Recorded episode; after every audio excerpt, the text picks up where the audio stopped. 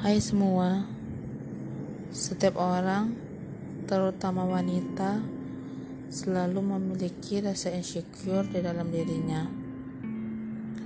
Entah itu rasa yang datang dari dalam dirinya sendiri atau diakibatkan oleh orang sekitar.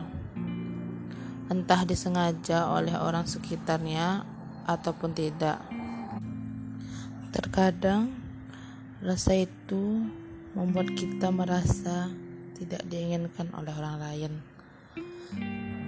Terkadang itu pun membuat kita tidak percaya dengan adanya orang yang tulus.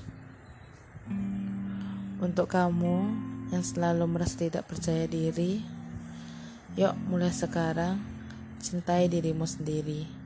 Jangan sampai kau terlalu mencintai orang lain sampai-sampai kau tidak mencintai dirimu sendiri. Jangan egois dengan dirimu sendiri. Jangan sampai kau menyakiti dirimu sendiri. Salam cinta, salam sayang. Love yourself.